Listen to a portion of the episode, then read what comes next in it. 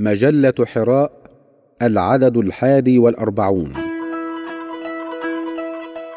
زجاجة حليب بقلم الدكتور عبد الله بن صالح العريني.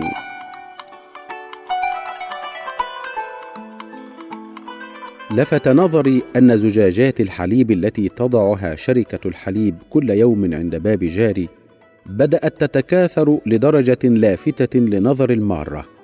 شعرت بحيرة شديدة لأن بقاء تلك الزجاجات ووجودها دائما أمام باب المنزل يعني دعوة لأي لص من اللصوص لدخول المنزل مستغلا غيبه صاحبه عنه. مضت الأيام على خير وستر الله المنزل. ولكن من ذا يضمن أنها لن تكون في عين أحد المجرمين فينتهزها فرصة ويسرق من البيت ما شاء. فقد غدت الفرصة سانحة أكثر من أي وقت سابق.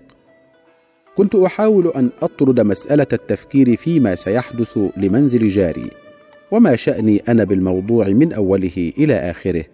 والرجل لا يعرفني ولا أعرفه وحتى لو سرق منزله فلن يضرني هذا شيئا ابدا. ولكن سرعان ما أستبعد ذلك من ذهني. وأرى من واجبي أن أعمل شيئا فليكن ذلك الرجل شخصا لا أعرفه ولكنه على الأقل جاري. ثم إن أخذت هذه الزجاجات ووضعتها عندي لن أخسر شيئا. فإن جاء وهي جيدة استفاد منها. وإن جاء وهي منتهية الصلاحية فلا ذنب لي في الموضوع. ومضى نحو أسبوعين وأنا آخذ زجاجات الحليب من أمام منزل جاري وأضعها عندي. ولكن عندما بدأت تتكدس في ثلاجة منزل الصغيرة أخذت انتقي التي انتهت مدة صلاحيتها لكي يتسع المكان لغيرها. لقد تضايقت زوجتي وأبنائي بعض الشيء إلا أنني شعرت أنه لا بد من إكمال المشوار. فأخبرتهم الحقيقة التي لا مفر منها وهي أنني جاد فعلا في هذا العمل حتى أصل إلى ما أريد. وحين عاد جاري إلى منزله ذهبت إليه وقصصت عليه ما عملته بالكامل وأن زجاجات الحليب قد ملأت ثلاجتي فضحك ضحكة صافية ثم قال ولماذا فعلت هذا حقيقة؟ كما قلت لك كنت خائفا على منزلك من السرقة.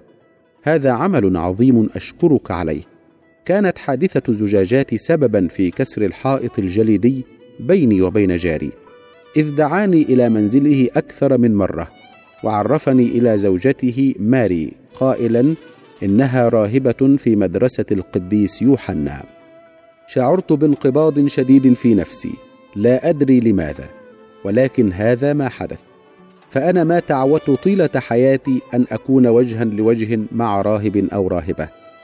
لم تكن بي رغبة في ذلك ولم أضطر حتى جاء هذا اليوم. قالت بعد أن حيتني ورحبت بي لقد فعلت خيرا أيها الأخ العزيز. هذا واجبي. إن الجار له حق عندنا. لأن ديننا يأمرنا بذلك. يأمرنا أن نحترم الجار ونتعاون معه ونكف الأذى عنه ونساعده بقدر ما نستطيع. لقد خشيت حقيقة من أن يدخل لص من اللصوص بيتكم ويسرق ما فيه. التفتت زوجته الراهبة إليه قائلة إنها غلطتك يا سميث. دعينا من اللوم في مسألة انتهت دون مشكلة. لقد نسيت أن أطلب من الشركة أن تقف الاشتراك طيلة غيابنا. هذا كل ما في الأمر.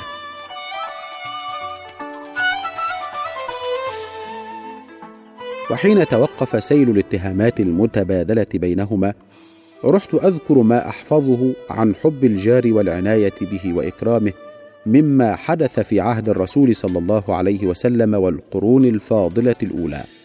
وطوال حديثي كنت أحس منهما اصغاء غير عادي شجعني على الاستمرار.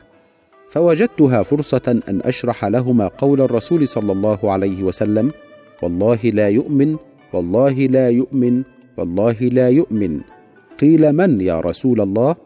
قال من لا يأمن جاره بوائقه. وختمت حديثي بقولي وبعد هذا فما تصورت ماه شيئا مدهشا فإنه أمر عادي نمارسه بتلقائية وعفوية. أثار ذلك دهشة الزوجين وبخاصة ماري الراهبة التي صرخت قائلة أوه هذا رائع هذا غير عادي. لقد كنت أعتقد أن المسيحية وحدها هي دين المحبة. قال سميث معقبا هذا جيد.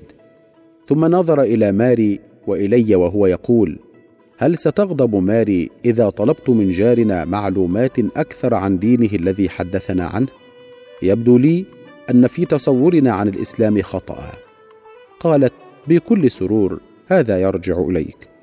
نظرت إلى تغير وجهها وصعوبة هذا الأمر عليها. فحمدت الله تعالى على نعمة الإسلام لأن تقبل عقيدة أخرى ليست امرا سهلا على النفس. ووعدت بإحضار ما طلبه سميث وماري.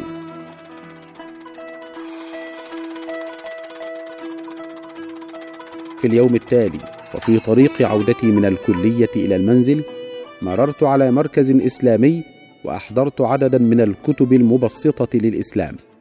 كنت أعتقد أن لدى المركز مكتبة غنية بكتب التعريف بالإسلام والدعوة إليه. لكني حينما ذهبت وجدت أن أكثر الكتب قد نفد. بل إن نسخ ترجمات القرآن الكريم قد نفدت من المراكز الإسلامية والمساجد لكثرة الطلب عليها. فاستعرت من الكتب الخاصة بالمكتبة ووعدت بإعادتها على مسؤوليتي. قدمتها لجاري وزوجته وأعطيتهما رقم المركز إذا رغبا في معلومات أكثر.